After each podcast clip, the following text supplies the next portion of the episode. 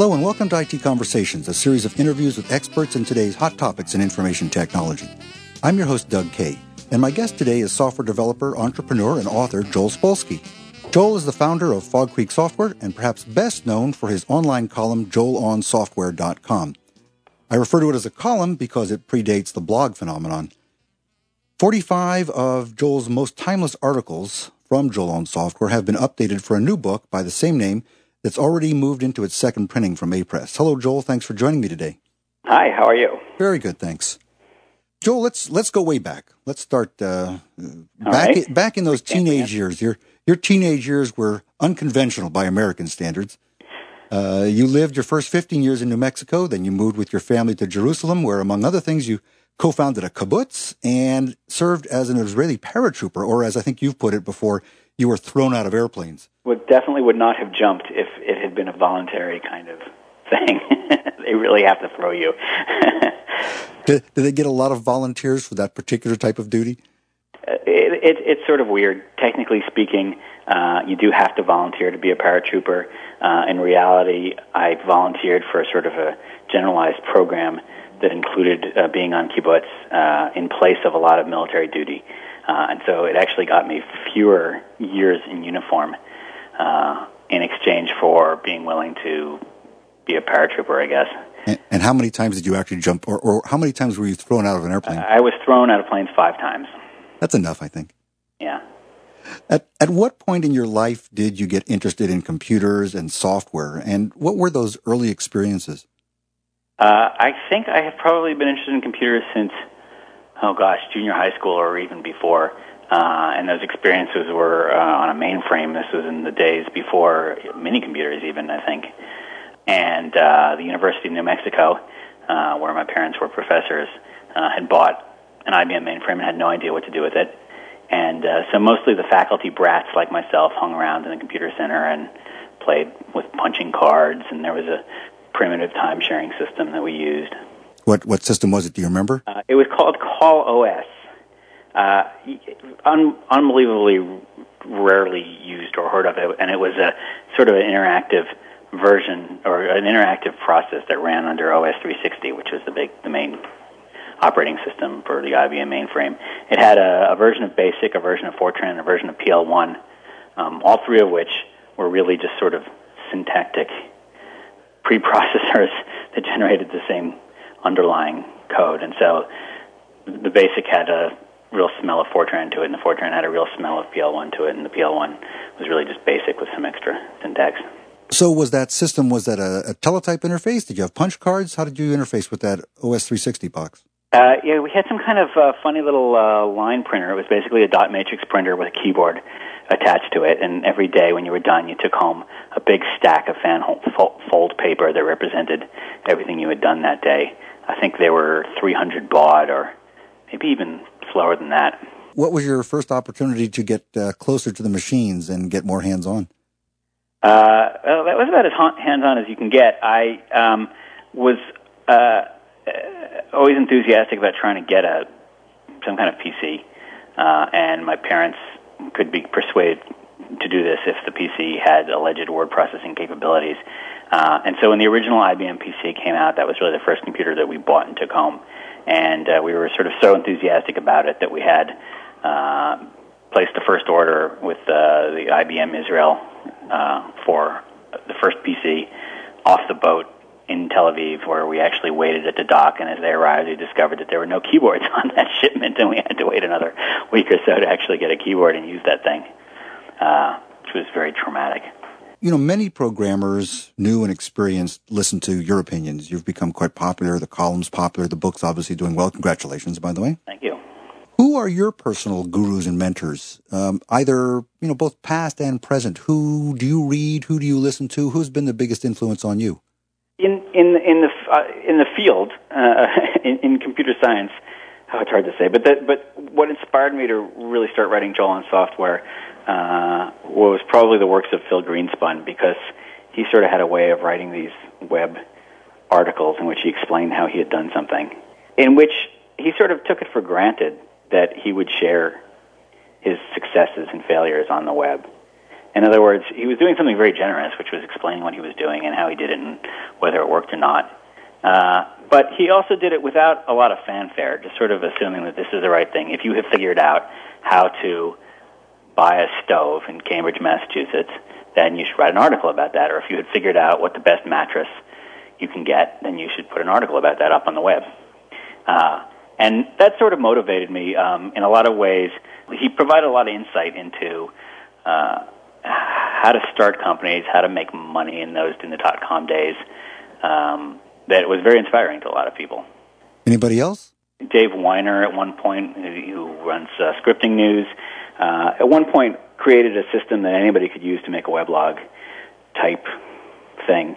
Uh, in those days, I don't think we called them weblogs yet. It was a system called editThisPage.com. And uh, Dave Winer's style was a page of, you know, he would give you pages and pages of links every day to interesting things that were going on.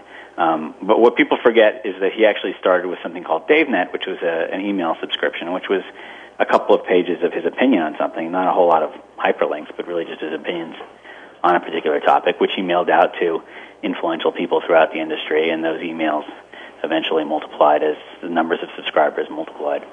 And so his his early software was built on the assumption that, that what you're doing is you've got a sort of home page with the news, you've got frequent essays, and you also send an email out to people with the latest essay or notifying them of the latest essay. So whereas one of the reasons Joel on Software is not really a weblog is because I don't really think I have much to add by providing links to the outside world, although occasionally I'll do that. Uh, but mostly, uh, I try to make contributions by writing long style essays. After graduating from Yale, you went to work at Microsoft for a few years. Mm-hmm. And from reading many of your articles, I get the impression that those years were very influential, and in fact are still influential on your approach to software development. Would you agree with that? Uh, absolutely. I think that uh, there was sort of a weird confluence. There have been a few times in history where you've actually gotten a team that really knows how to make software, and you know, pretty much every knob has been exactly fine tuned to the exact right place. Uh, when I when I got to the Excel team, I found that there was a sort of a strong amount of questioning of conventional wisdom, the kinds of things that you're taught about how you should develop software, uh, and the kinds of things that were generally believed uh, that, that the Excel team just didn't believe. And if you ask them why, they actually had some really good reasons. Uh, you know, my favorite example is that they there's always been a, a lot of slavish adherence to coding standards, and there's a belief that the very first thing you're going to do, you need to do when you get a team together to write software is to make coding standards and agree on where the parentheses and the tabs and so forth are going to go. And uh, the Excel team didn't really care about that. They didn't have any coding convention, and different programmers use different coding conventions, and they just didn't really see a problem in that. And uh, in fact, if, if you if you've ever worked that way, there's a lot of benefit to it. You can sometimes tell who wrote a piece of code by the coding convention that's going on in that piece of code. So there were there was a lot, and that's just one small example. There was a lot of conventional wisdom um, that uh, they just didn't really buy into, and they were being really successful in terms of churning out very high quality code in a very difficult programming environment that uh, was, you know, fantastically successful from a marketing point of view. For the sake of perspective, how big was that Excel team? The Excel team in those days, I think, was about 50 developers and 50 testers, uh, 250 people altogether. So most of the other people were localization, marketing, management, uh, and uh, documentation. Tell me about the style of that team, because in reading your book, your essay, and reading a lot of the XP and Agile stuff, uh, you know, one gets a sense of how the teams interacted. And for those of us who have never been inside a development organization at Redmond, we don't know what that's like. And maybe it's changed, but but w- what was the interaction like uh, amongst those team members?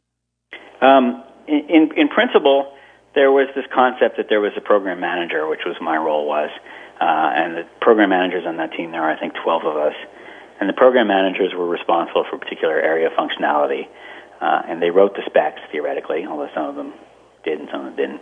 Uh, sort of designed the features in consultation with, you know, the development team and so forth.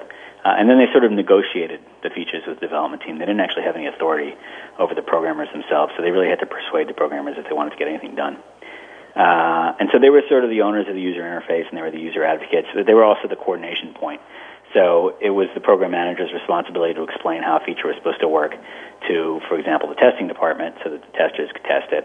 it was the program manager's responsibility to summarize the features of the new product for the marketing team so they could create whatever collaterals they were creating and create their promotions uh, and uh, user education. And so they were sort of the, the hub of information uh, in, in the organization. Meanwhile, there was this sort of weird uh, balancing thing going on between the developers and the program managers. The developers, of course, wrote the code and thought they were the most important part of the team. The program managers sort of knew that they were designing the specs, but they really couldn't get things done without the developers. So there was sort of a weird push push and pull there. On the most successful teams, the developers thought that they were really running things, and the program managers were secretly actually running things. In other words, the program managers were successful at making the developers think that the developers were, were in charge, uh, while still managing to steer things in the direction of you know ease of use and usability and doing the right things from a marketing perspective. You mentioned that the number of testers was pretty much equal to the number of coders. Yeah. Per- pretty much opposite of what you'd expect to get from an XP, uh, an extreme programming model or an agile model. Um, yeah, there's a okay. You're starting to talk about extreme programming. I can tell. let's let's um, let's get into that because I I tell me if I'm wrong, but I've always sort of seen you as the almost the antithesis of the XP guys. Uh, it's hard to say. There's there's a lot of smart stuff in extreme programming, but let's let, first of all let's define a few terms. One of the things which I've often said is you probably need about one tester for every programmer. Now, I would go ahead and revise that now and say that there are really three kinds of teams that have different requirements for testers. If you're writing some quick one-off throwaway software, or even software that's only going to be used by a limited number of people in a limited rollout, like uh, you know corporate software that 10 people are going to use, it's going to be installed on one computer, for example, uh, then you could probably get away with zero programmers because your users are going to tell you about the bugs, and it's not going to matter that much, and you're going to fix them on the spot in the end.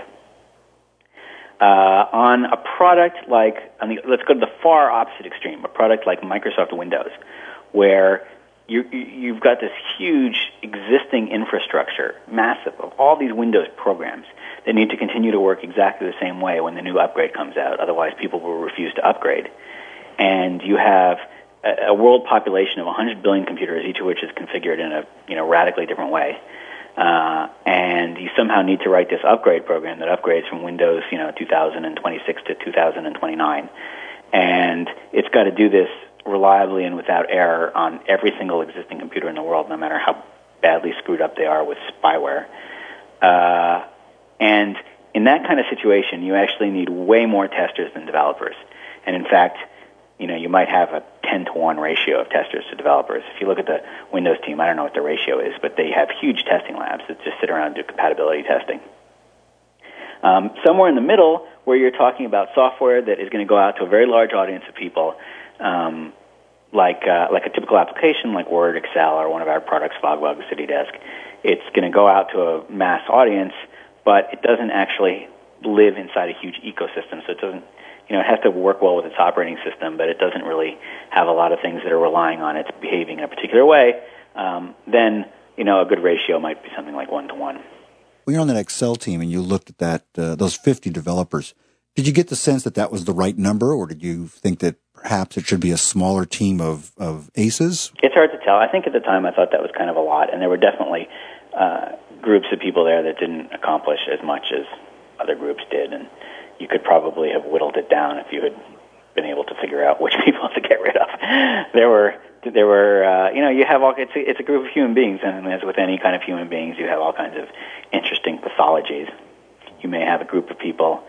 Um, for example, there was one team I, I won't mention who, but that I thought really never got anything done, and they were they had a very antagonistic relationship with the program manager, and their goal was to prove to their program manager that the program manager was expecting too much. And the way they proved this was by really just never doing anything. You know, this was the way they won all arguments is by saying, "Oh, that's too hard. That's too much. That's too much work. Can't do that. That's too complicated. You don't understand how hard it would be to do that." And uh, as a result, there was a fairly large area of the Excel product in those days that just did not get better from version to version. I, I attributed that to a, a particular personality conflict between that team and their program manager in a particularly screwed up way that they had devised of working with each other where they both tried to prove to each other how worthless they were. So there were definitely issues. I won't say you know the size of the team was wrong. I, I, I've I've actually heard that all those teams are larger now than they were at the time that I was there. Although I don't know, but my insiders tell me that the the office team is much larger, even though it seems from the outside like they're doing a heck of a lot less these days than they used to do in those days. Isn't it amazing how one personality problem can destroy or nearly destroy a project? Uh, yeah, it, it's hard to find them. It's, it's definitely possible that you have a programmer who appears to be the best contributor, but who can bring the whole team down because he's he's uh, you know so negative or you know such a lone gunslinger. So they're often known. Uh, and you can have the other problem where you have the opposite program, problem where you have a programmer that doesn't really seem to be contributing because when you look closely, you notice they're just not getting anything done. They're, they're, they're not generating code. They're not fixing bugs and they're not writing new code. And you really have to look between the lines at the team and you'll notice that that person might really be glue that's holding the team together. That person may be doing everybody else's research projects for them. So, um, uh, I, I've known a couple of people like this over my time. One, it was a case where a guy who he generally got bad performance reviews, uh, and that that everybody in the team loved him, and he really held the team together. And uh, it, it wasn't clear from the actual work that he did uh, how vital he was to the success of that team. Um, I know another case where there was a person who just sort of didn't really get his own stuff done, but people were always in there talking to him about architectural things, about technologies, uh, and he really sort of spent a lot of time fiddling around with new technologies, and in that way brought a lot of knowledge into the team that was, you know, definitely worth the time he was spending on it. But you know, at, at one point, his managers were sort of evaluating him based on lines of code, and he wasn't looking very productive. So it can be real subtle. It's real hard to tell how people are contributing. I, I've, I've been toying with the idea of uh, something that something called a psychometric test, where you pass around a survey to everybody on the team and you say, you know, who, who on the team do you think would make a good manager and who on the team would you most like to see leave? And it's a technique that's used in the uh, Israeli Air Force uh, for, for choosing pilots. And then what happens if they get pushed out of the plane? Uh, it is actually possible. it is actually possible that you would fail out of the Israeli pilot Air Force pilots course simply because the other people that were in the course with you decided that they, you know, voted you out pretty much on this sort of I think it was every week or every two weeks you had to fill out this survey. And it was also possible you get promoted based on your peers saying that you're the one that should be promoted. I, I guess it's important not to lay off a pilot while he's flying the plane. You wait till he's on the ground. Or if it's a cheap plane and it's not actually doesn't have any munitions loaded on it, it's probably not that big a deal to lay him off like that. Back to the XP question again, because mm-hmm. um, it's one that fascinates a lot of people, myself yeah. included. Uh, a lot of XP proponents recommend that you have a customer nearby where a customer is loosely defined. Yeah. You wrote in one essay, I'll quote you here, it says, customers don't know what they want. Right. So talk to me about the influence of the customer and, and working with the software customer during the development process. The it, it, first of all, it's definitely the case that customers don't know what they want. Secondly, it's much more likely that a programmer is going to be able to learn about the domain that they're writing code in than vice versa. In other words, if I'm working in, a, in an accounting shop and we're creating a package that does, I don't know, quarterly reconciliation of inventories, then it's far more likely that I'll be able to, that a programmer will be able to learn about the inventory process in about two hours and understand it thoroughly than a inventory, a person who does the inventory is going to be able to learn about the programming. So to the extent that those two things need to be bridged, that there needs to be a translation between the domain and the code and the programming, uh, it is far more likely that a programmer is going to be the person that has the skills to do that bridging, uh, or you know, or maybe even a technical sort of program manager, designer, UI designer kind of person. Uh, than the so-called customer. The customer is not necessarily going to have a good grasp about what the computer can do or how it should be done. Um, besides which, I think the original XP idea well, you know, the, the the thing about XP historically is that they started out by saying, you know, everything we've done is wrong. Let's try doing blah blah blah. We should do this radically differently. Here are twelve. I believe it was twelve things that you should do. But the the first books about XP said we're just proposing these. These are just sort of off the cuff. Some of these may be wrong. Some of these may be right. There may be others that we've forgotten. Please don't take this as gospel. And so they put out these twelve things And over these last few years, what has happened is that the story has changed. Now those 12 things are all mandatory. Not only are they mandatory, but they depend on each other. And if you don't do one, then the others cannot, cannot be expected to work. And the original 12, which were really just sort of thrown out there to see what sticks, uh, became, you know, the gospel, the 12 commandments of XP. And this is sort of where I have a problem with it because some of those things I think are smart, uh, and some of them are wrong, and some of them are, are, are completely wrong. So one of the things that XP initially said historically is you should have a customer in the room, and I think what they were imagining is that you would go and get that person who does the inventory, and you'd have him in there with you designing the software and figuring out how the software would work, and he would say, "Oh, this would be inconvenient for me because at this point I'm standing up and there I'm sitting down, so why don't we change this?" And he would be a very useful person to give you that feedback. And I think anybody who's actually tried this in in the corporate world almost certainly discovered that one of two things happened. Either they were simply told, "No, you may not have a customer," one of three things happened. Either they were told you may not have a customer, you you can't have this person. He has a job to do. And you have a job to do. You do your, your job, and they'll do their job. Or management somehow was willing to buy into this XP thing and give them a quote unquote customer. And so the inventory department was told that they need to come up with somebody to help these programmers. And so they took the person that they could they would miss the least and sent them down to the programmers. And so basically, who the programmers got is the idiot of the inventory team who's too stupid to even do inventory well, certainly not going to be able to design software for inventory. Uh, or there was a third thing which I can't remember. So uh, the, what, what really happened is actually getting programmers, uh, getting customers in the room was uh, neither realistic nor desirable. What XP then did is they said, oh no, did we say customer? We didn't really mean customer. What we meant was a person who would be the sort of customer advocate, the so-called customer. It could be a software designer who pretends to be the customer. It could be, you know, and then they went, XP ran into this problem that even though the customer may know what he wants, the customer, the person in inventory, is not the person who's paying for the system. The person who's paying for the system is a manager who is not going to be in the room there with the programmers designing the software.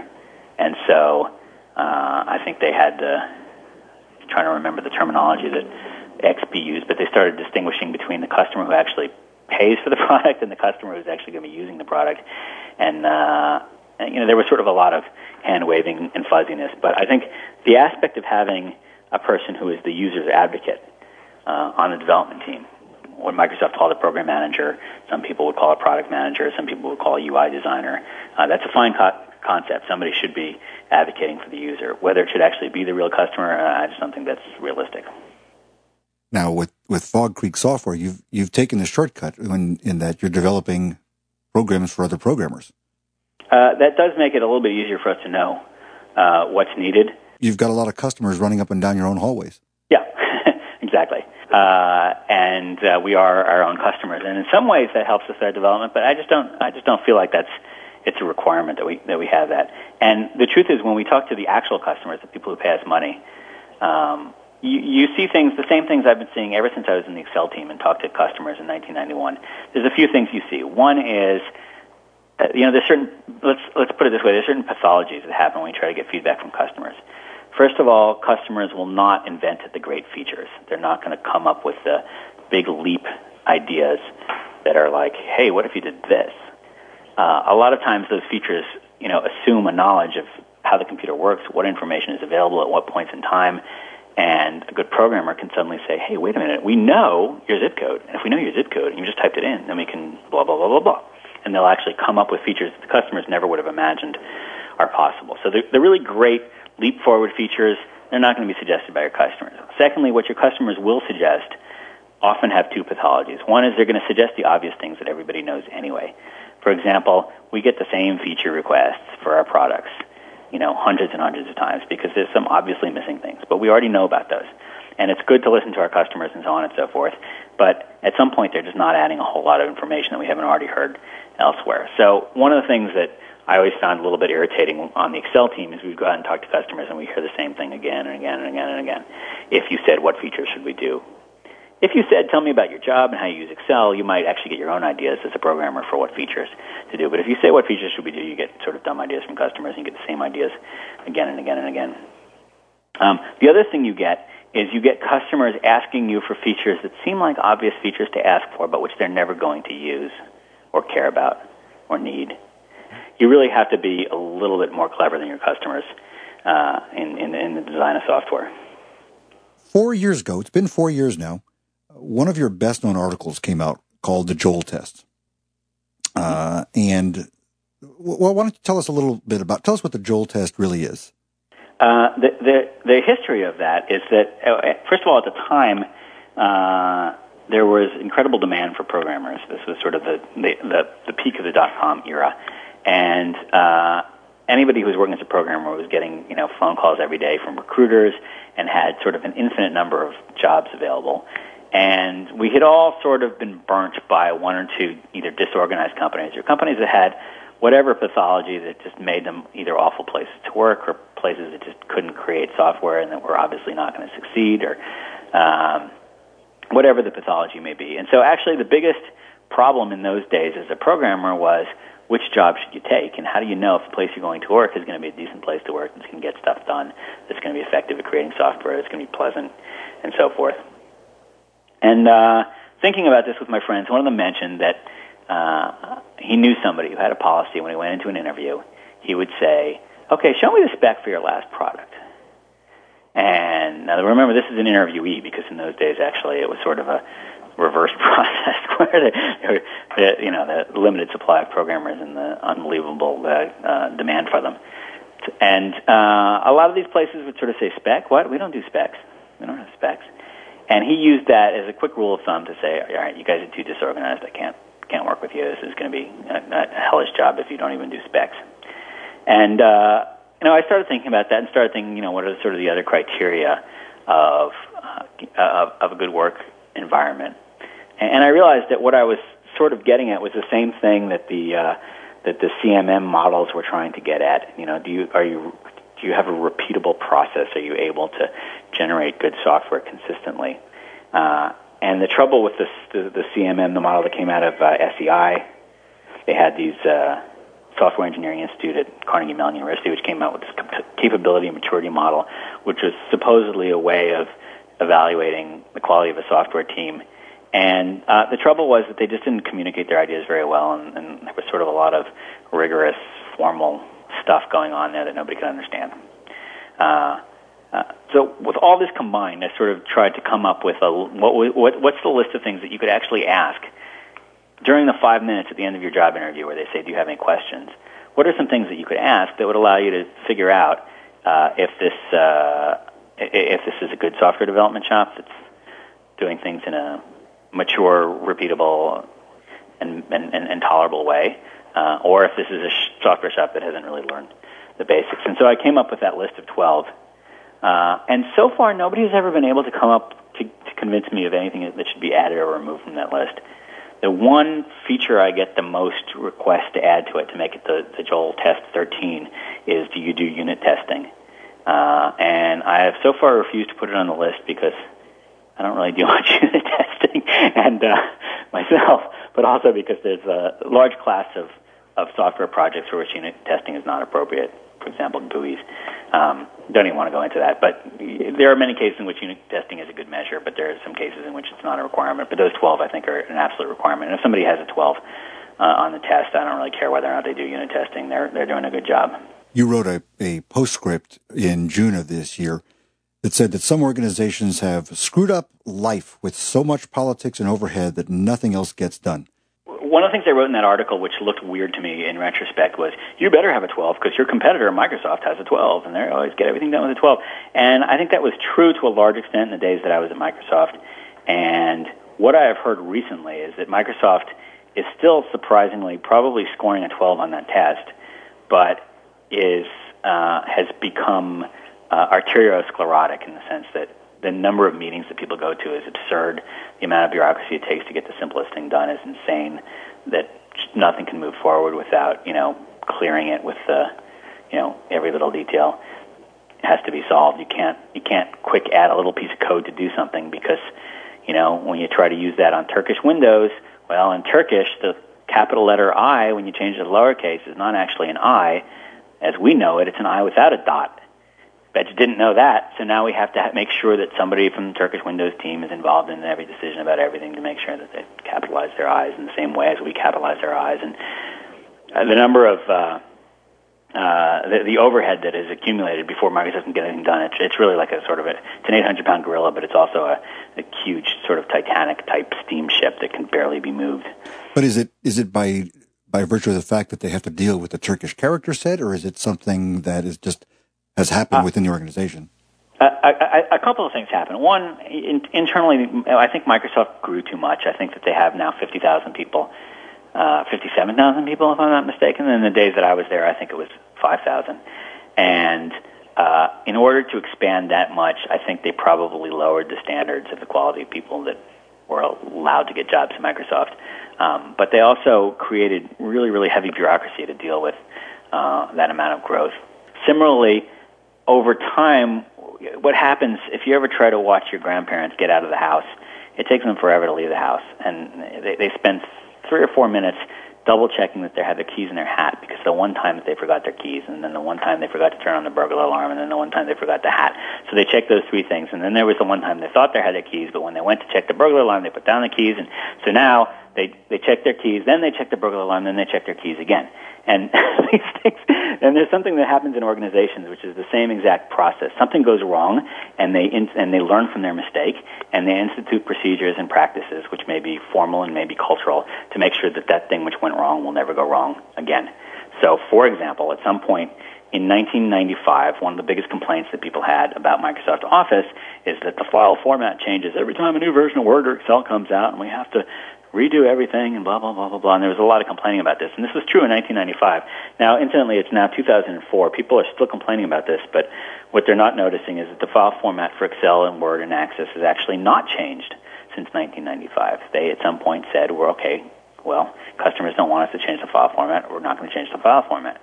What this means is that for the last nine years, those products have not been able to add a feature that needs to be saved whatever the feature is, you can add features to Word and Excel. But if it's the kind of feature that has to be saved in the file, they can't do it anymore because the file format is locked based on the functionality of Excel 5.0, 6.0, Excel 95. So uh, the, the, the, this is sort of an example of you learn from something you did wrong, but in terms of learning, you're actually preventing yourself from ever moving forward because now you never want to make that mistake again, and so you go through this procedure to make sure that bad thing will never happen again. Well, speaking of Microsoft and compatibility, you've done my segue for me. Thank you. Mm-hmm. Uh, and you know where I'm going. Uh, in in June of this year, you wrote an essay entitled "How Microsoft Lost the API War," mm-hmm. and you suggested there that Microsoft has lost the interest of developers, uh, which up until now has been one of the keys to their success. Specifically, you said that the MSDN magazine camp, as you called it, had won out over the Raymond Chen camp. Could you explain this for our listeners? Tell us a little bit about what was going on at that time. And of course, we'll bring that into the present time because things obviously have changed somewhat. There's always been a tension at Microsoft um, between sort of the hardcore old school developers uh, who want to do what's right by the code. Uh, and there have often been who I would, uh, these sort of young Turks, basically, um, I don't know that they're necessarily younger, but but it's a group of people inside Microsoft that just always wants to be inventing the future and and doing things in a in a bold new way with no regard for backwards compatibility. And what what people really want from Microsoft is software that continues to work and simply works better than the way the old software works. And they want their infrastructure to get better and better and better over the years. They don't want new radical architectures that aren't compatible with the old architectures they don't want new features if they can't use them from their old code. They don't want to have to rewrite their code just to take advantage of those exciting new features. Uh, and so, to some extent, I've been calling this the Raymond Chen camp, uh, simply because he wrote about. Uh, he wrote. He's a he's a long time Windows programmer who wrote on his weblog uh, sort of the story of the backwards compatibility work that has gone into Windows in the past. Uh, versions of Windows, when they shipped, historically have gone to extreme measures to make sure that everything that used to work still works, even with what used to work uh, was buggy or required a particular bug. And so there's actually lots and lots of code in Windows that will emulate bugs so that old software that assumes that those bugs were there uh, will continue to fun- function correctly when the upgrade comes out. Uh, there, there was a different trend, and this isn't exactly the opposite of the Raymond Chen camp. If you follow MSDN magazine, it's this monthly magazine for developers that Microsoft puts out, talking about all the new, latest, and greatest technologies and the new exciting things that you can do. And one thing you don't notice with MSDN magazine is that all these technologies uh, have they're, they're they're very they're well. First of all, they change all the time. Uh, simply because it's a magazine and they need to have something new to talk about, but also because Microsoft is just generating huge amounts of new technology all the time. There, it's often full of ways to do things that you could do before, but now there's a different way of doing them uh, that are, you know, not necessarily leaps forward in functionality, merely different ways of doing things. And so MSDN magazine is always saying things like, here's an example, uh, Microsoft SQL Server now has reporting services, which is a way that you can generate reports right out of SQL Server. Well, it turns out that nobody's really had a problem with generating reports in the past. They've generated them with Access, even if the data is coming from SQL Server. They've generated them with Excel. They've gotten third-party products like Crystal Reports. Generating reports has not been a humongous problem, and there's never really been a huge need to put that feature into SQL Server, but lo and behold, they put it into SQL Server. And so now there's yet another way to generate reports. And, you know, obviously a few people will argue with me, but I don't feel like there's a great leap forward there or there's any new functionality that we didn't have before. It's just a different way of doing things. And uh, MSDN reports on all these things uh, enthusiastically and with uh, great regularity, and no working programmer can even keep up with all that new technology. So there's always all this exciting new stuff that doesn't work in the past and won't work in the future in MSDN magazine. And that's a very different trend at Microsoft and the trend of, you know, we will emulate our old bugs until the end of time just to make sure that when you upgrade Windows, uh, all your old applications, no matter how buggy they were, will continue to work in the same way as they worked before. If Microsoft is trying to convince the developers now to switch from Win32 to .NET, XAML, Avalon, so forth, mm-hmm. um, you, you have said though that that that's not going to work. That that's going to fail. That developers are essentially not making that switch. Is that right?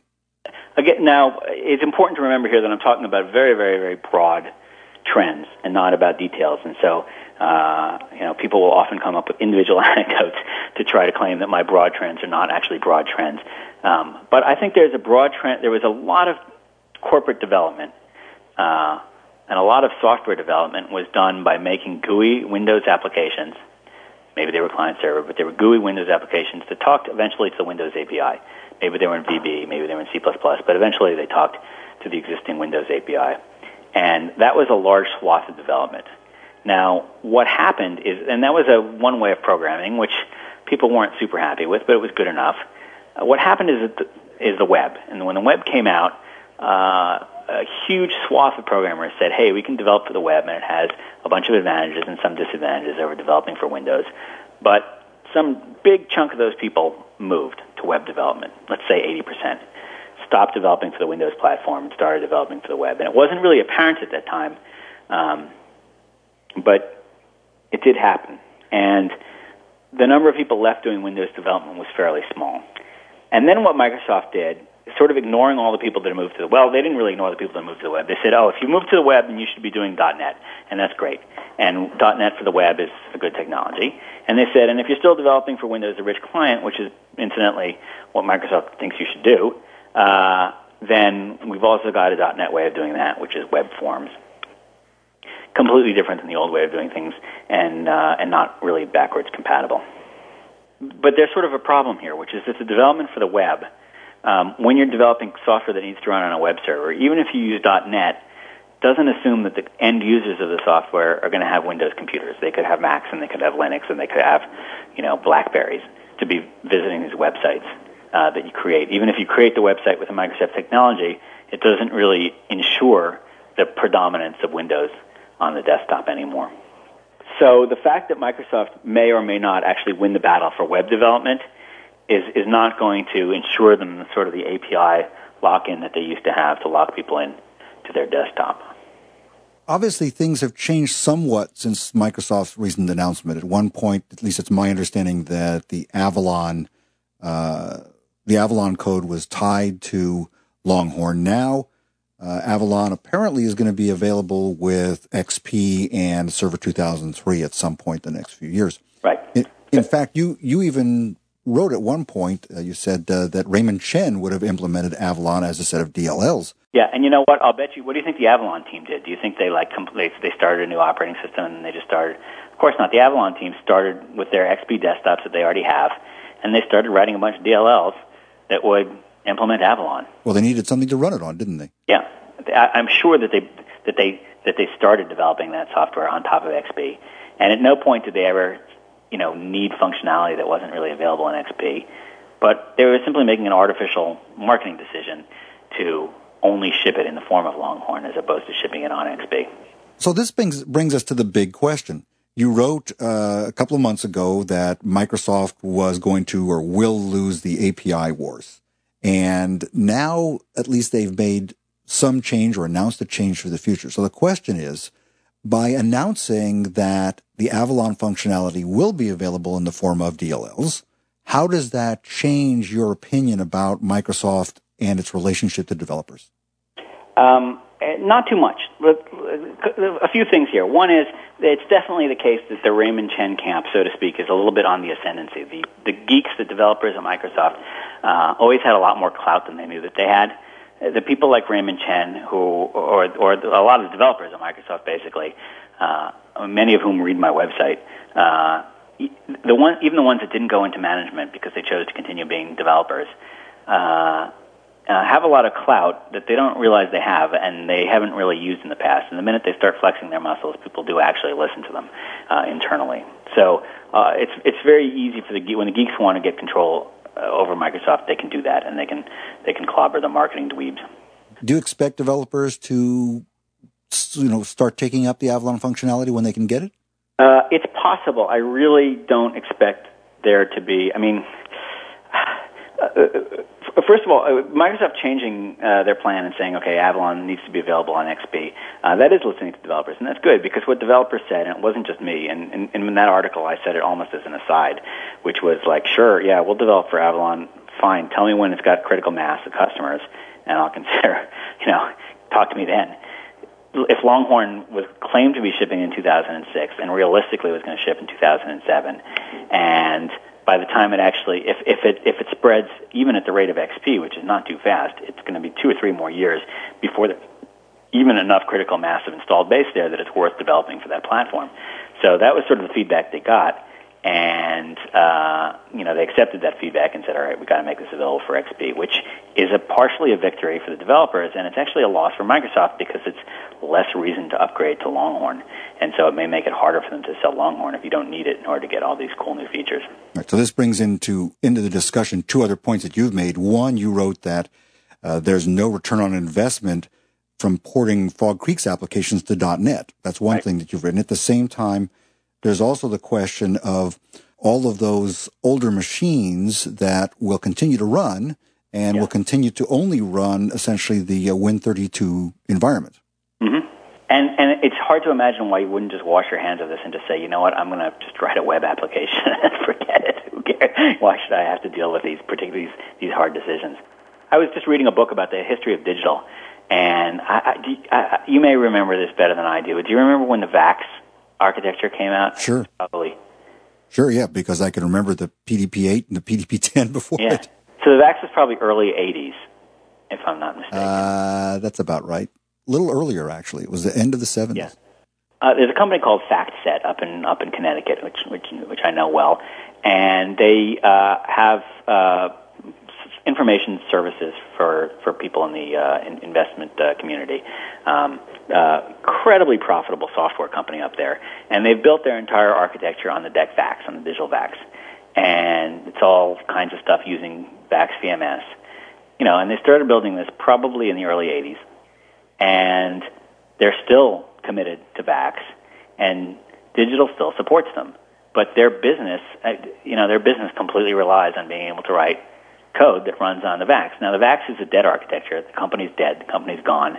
But, you know, due to the history of digital and the way that they thought you did things right, the kind of customers they had and the amount of money they made, uh, you know, they had this belief that you keep supporting your customers forever. So even though VAX is about as dead as you can get, You know, they continue to get support for their for their systems, and they continue to get repairs and so on, and occasionally new bug fixes trickle out of Compaq, HP, or whoever has acquired digital this week, and they're still running on the VAX, and their business relies on it. Now, this is a when they made an architecture bet to ride on the VAX, they really needed something that they knew was going to be there for 25 years. Compare that to Microsoft, which is shipping things like WinForms, which you which they're already telling you two years after they come out, they're already telling you, oh, and by the way, that's going to be obsolete. There's going to be a new way to do this. We're not going to continue to enhance or support WinForms. And Microsoft, which has shipped so many technologies, you know, over the last few years, especially more and more technologies, which you know instantly become obsolete. COM, for example. Uh, and you know, maybe they keep working if the Raymond Chen, Chen camp has their way. They they continue to work. But there's technologies like Microsoft Jet, which was database and access, that they suddenly decided to to kill off. You know, when people build on a technology, they really need technologies that are going to work for 25 or 50 years. They can't, you know, technology that works for two years does not really solve anybody's business needs. And to the young people at Microsoft, I think the, the, certainly the younger people at Microsoft that are just unaware of how important stability in platforms is. Uh, uh, you know, that's that's sort of where some of these mistakes come from. You write for a number of different developer audiences. You write for, I mean, you're certainly read by people who are developing software products. You're read by corporate developers. Uh, I imagine the recommendations to the two groups may vary, but as people are sort of flooded with all these announcements, some of which don't even mean anything for a couple of years, mm-hmm. uh, what do you think people should be doing? Should they be uh, generally trying to uh, work with the older technology and, and hope that Microsoft continues to keep that compatible, or do you uh, when do you tell them to sort of work with more of the latest and greatest? It, it's really hard to say, and it depends, you know, how critical things are. Uh, latest and greatest is fine for one-off things that don't have to last very long, or that aren't super critical, or that aren't going to take too much investment. If you really want to build a business on something, um, I, I would suggest not using anything that's single-sourced technology.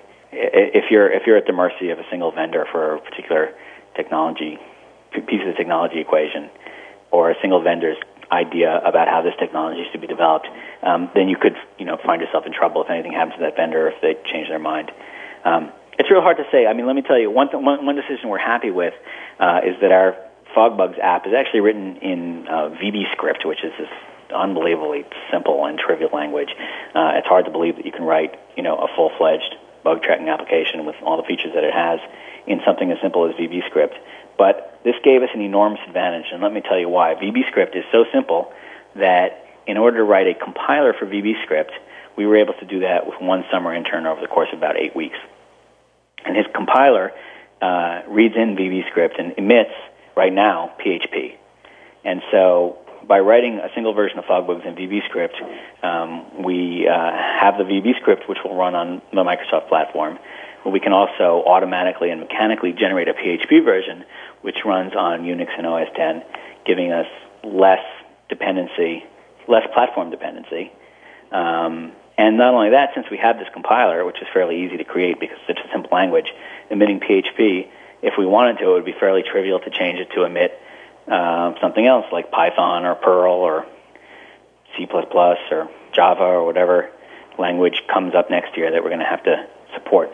And in the meantime, from our perspective, you know, we keep investing in VBScript, but the actual compiler for VBScript is our own technology. And in fact, there's really nothing that would keep PHP from being available for 25 years.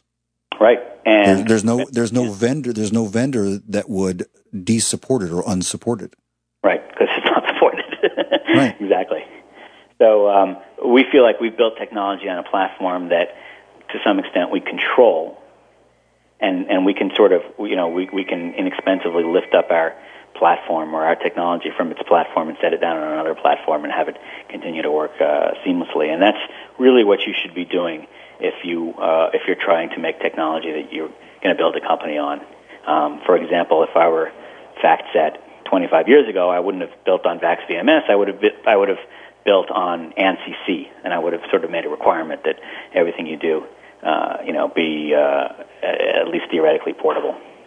And I would have actually had, in order to impose some discipline, I would have actually required it to be ported uh, a few times. So Windows NT was built uh, to be portable. It has only a tiny bit of assembler code, uh, and in the early days, in order to ensure that it would be portable, even they, though they knew that the target architecture was going to be the Intel 80, 8386 family of computers, uh, they actually did a MIPS version.